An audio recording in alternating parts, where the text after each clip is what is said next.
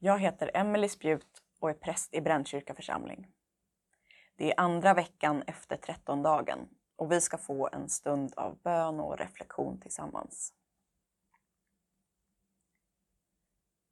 Vi har samlats i Faderns och Sonens och den heliga Andes namn. Gud, du bor inte i tempel som är byggda av människohand. Himlarna och himlarnas himmel rymmer dig inte. Du är här. Inte långt borta från någon av oss. I dig är det som vi lever och rör oss och är till. Vårt ursprung och mål har vi i dig. Cry out with joy to God all the earth.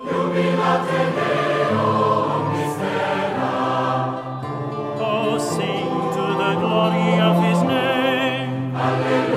Che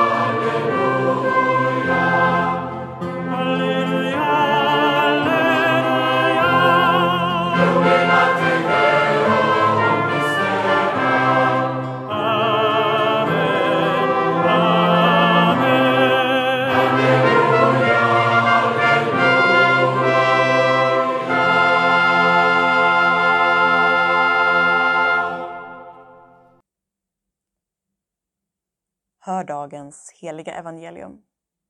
Så här står det i Matteus evangeliet kapitel 8. När Jesus gick in i Kafarnaum kom en officer fram till honom och bad om hjälp. Herre, min tjänare ligger förlamad där hemma och har svåra plågor. Jesus sa, Ska då jag komma och bota honom? Officeren svarade, Herre, jag är inte värd att du går in under mitt tak. Men säg bara ett ord så blir pojken frisk. Jag är själv en som står under befäl och jag har soldater under mig. Och jag säger till den ene, gå, och så går han. Och till den andra, kom, så kommer han. Och jag säger till min tjänare, gör det här, så gör han det. Jesus blev förvånad och sa till dem som följde honom, sannerligen, inte någon i Israel har funnit en så stark tro. Jag säger er att många ska komma från öster och väster och ligga till bords med Abraham och Isak och Jakob i himmelriket. Men rikets egna barn ska kastas ut i mörkret utanför. Där ska man gråta och skära tänder. Och till Offersen sa Jesus, gå, du trodde och det ska ske. Och i det ögonblicket då blev pojken frisk. Så lyder det heliga evangeliet. Lovad vare du, Kristus.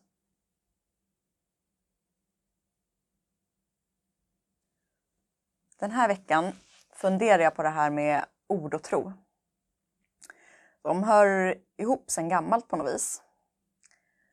Redan under antiken så hade ordet en särskild symbolisk betydelse.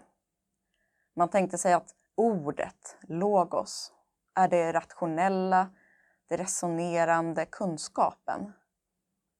Och kanske till och med att ordet, kunskapen, kunde vara en levande varelse. Och så kallades Gud för ordet. Ordet som inte bara är kunskap och tanke utan som till och med skapar. Och så funkar det lite i berättelsen idag. Både officeren och Jesus är med på att ord kan skapa och förändra. Säg bara ett ord, säger officeren. Det räcker. Att tänka och känna så, sa Jesus, var en stark tro. Och så funkade det den där gången. Det var ordet som gjorde pojken frisk. Men hur hänger det ihop det där med ord och tro? Jesus sa ju också att det var för att han trodde som det hände något. Vad är det som skapar? Är det ordet? Är det tron? Ofta är vi ganska snabba på att tänka att tro förutsätter ord. Det är liksom bara tro ifall man kan svara ja på frågan om man tror. Eller om man kan formulera det i ord. Gärna ska man, om man är troende, kunna alla de där religiösa orden. Amen och halleluja och frid och nåd och vad det kan vara. Och en som tror, det är en som ber med ord. Det är en som läser ord i Bibeln. Sen tänker jag också att tankebanorna går till det där att ord också kan forma och skapa i verkligheten. Ni vet man viskar det där som är lite skamligt så att det inte hörs så högt. Man talar om att ord sårar också, inte bara handlingar. Och när man drabbas av olycka av olika slag så vågar man inte berätta om det. Det blir liksom verklighet då, om man sätter ord på sin olycka. Och sen har det väl alltid varit den där att man råkar säga någonting som man inte vill ska hända. Då måste man peppa peppa ta i trä. Det är liksom lätt hänt att orden nästan blir magiska.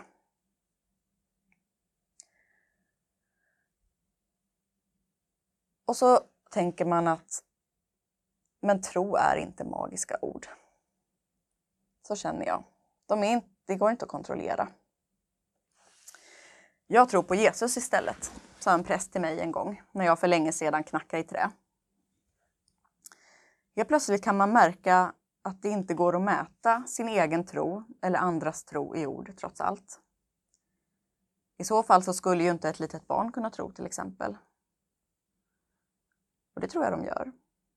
Ett djur skulle inte kunna uppskatta och ära Gud. Och det tror jag faktiskt de gör. Inte heller skulle den som aldrig fått lära sig de religiösa orden kunna tro. Och det tror jag de gör. Kanske är det dags att vi låter Kristus befria oss också från dyrkan av ord. För Gud är Gud. Tron i sig, det gör nog ingenting. Orden i sig, det gör nog ingenting heller. Det är ju Gud som gör något. Och, och ofta är det ju ganska så flippat och helt bortom vad ord kan beskriva i alla fall, det som Gud gör. För inte låter väl Kristus orden begränsa oss. Kristus kommer alltid och verkar utanför det troliga och det beskrivbara. Och där, där ligger en stor del av den befrielsen han ger oss. Befrielsen från att krympa oss själva och Gud till att enbart rymmas i ord.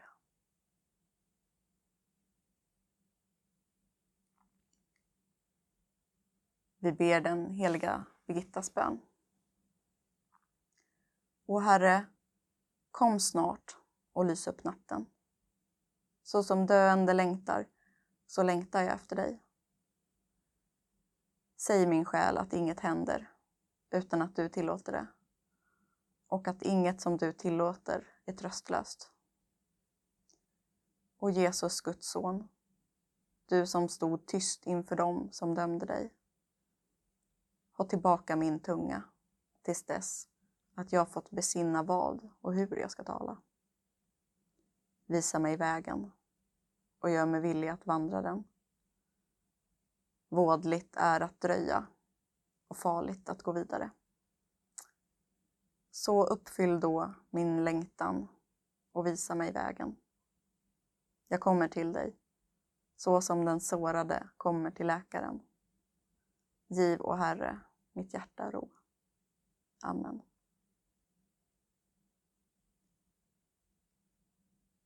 Vi ber den bön som Kristus själv har lärt oss. Vår Fader, du som är i himlen. Låt ditt namn bli helgat. Låt ditt rike komma. Låt din vilja ske på jorden så som i himlen.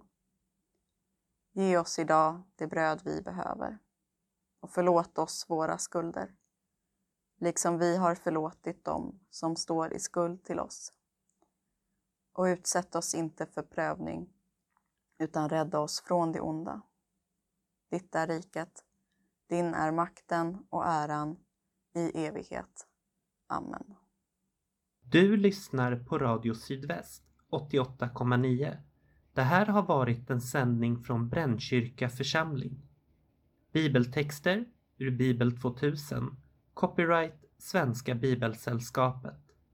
Ansvarig utgivare Gustaf Frosteblad.